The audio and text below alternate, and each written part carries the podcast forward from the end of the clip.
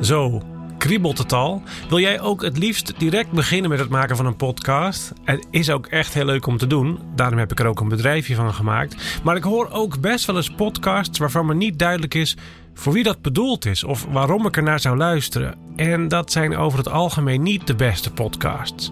En daarom voer ik met onze opdrachtgevers regelmatig gesprekken over een podcaststrategie. En dan hebben we het eigenlijk altijd over twee dingen bij jezelf en twee dingen buiten jezelf. Maar dat hoor je zo. Kennisbank aflevering 8. Waarom je een podcaststrategie moet maken. Ik ben Hajo Magree.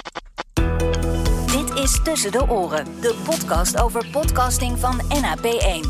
Wij maken audiocontent. Het is misschien een beetje het saaie stukje voor je gevoel. Zeker als je naar dat maakplezier toe wilt. Hè, als je echt wil gaan beginnen. Maar het is niet voor niks dat ik het eerst over de strategie wil hebben. Voordat ik in latere afleveringen ga vertellen over opnametechniek en microfoons en het monteren van je podcast.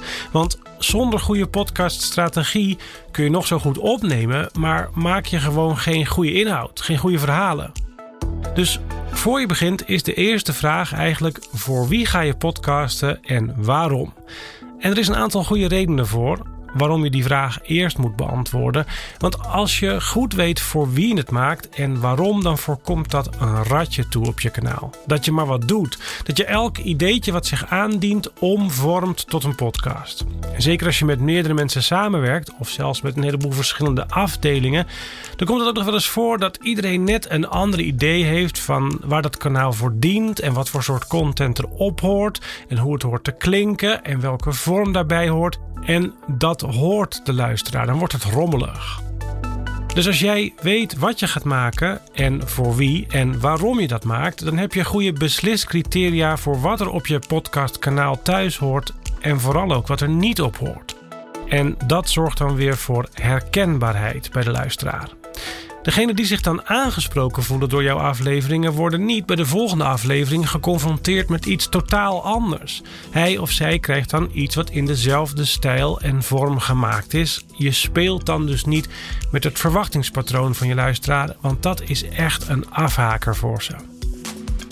En er is nog iets dat het vaststellen van doelen en doelgroepen nuttig maakt. En dat is dat het ook helpt bij het formuleren van nut en noodzaak van een podcast binnen de totale communicatiestrategie van jouw organisatie.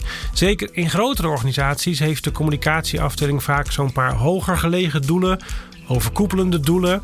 En als je nou moet pitchen voor het mogen maken van een podcast, is het handig als jouw doel en doelgroep je helder voor ogen staan.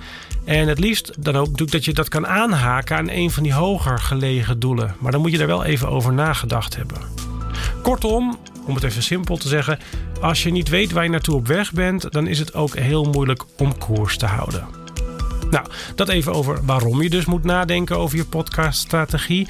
Als ik daarover praat met opdrachtgevers over die strategie, dan leun ik vervolgens altijd sterk op een boek van Eric Nussum. En dat boek dat heet, ik heb het hier voor mijn neus, Make Noise: A Creator's Guide to Podcasting and Great Audio Storytelling van Eric Nussum. Make Noise.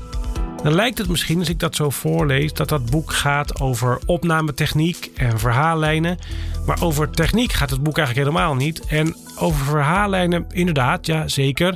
Maar het gaat ook over een heel groot stuk strategie.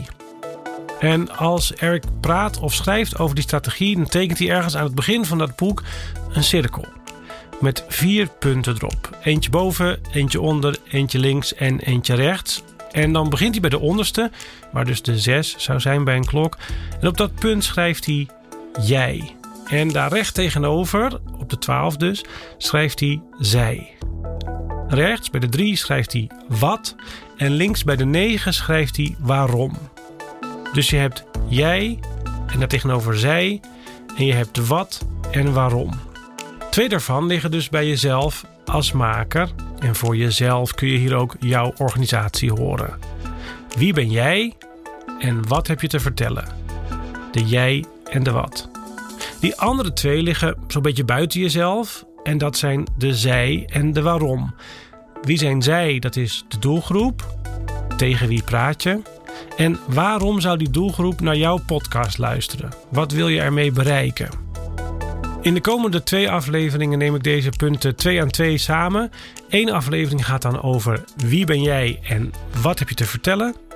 En de andere aflevering gaat over wie zijn zij en waarom zouden ze naar jouw podcast luisteren. Dat was het. Je kunt de informatie uit deze aflevering ook terugvinden in de podcast Kennisbank op onze website.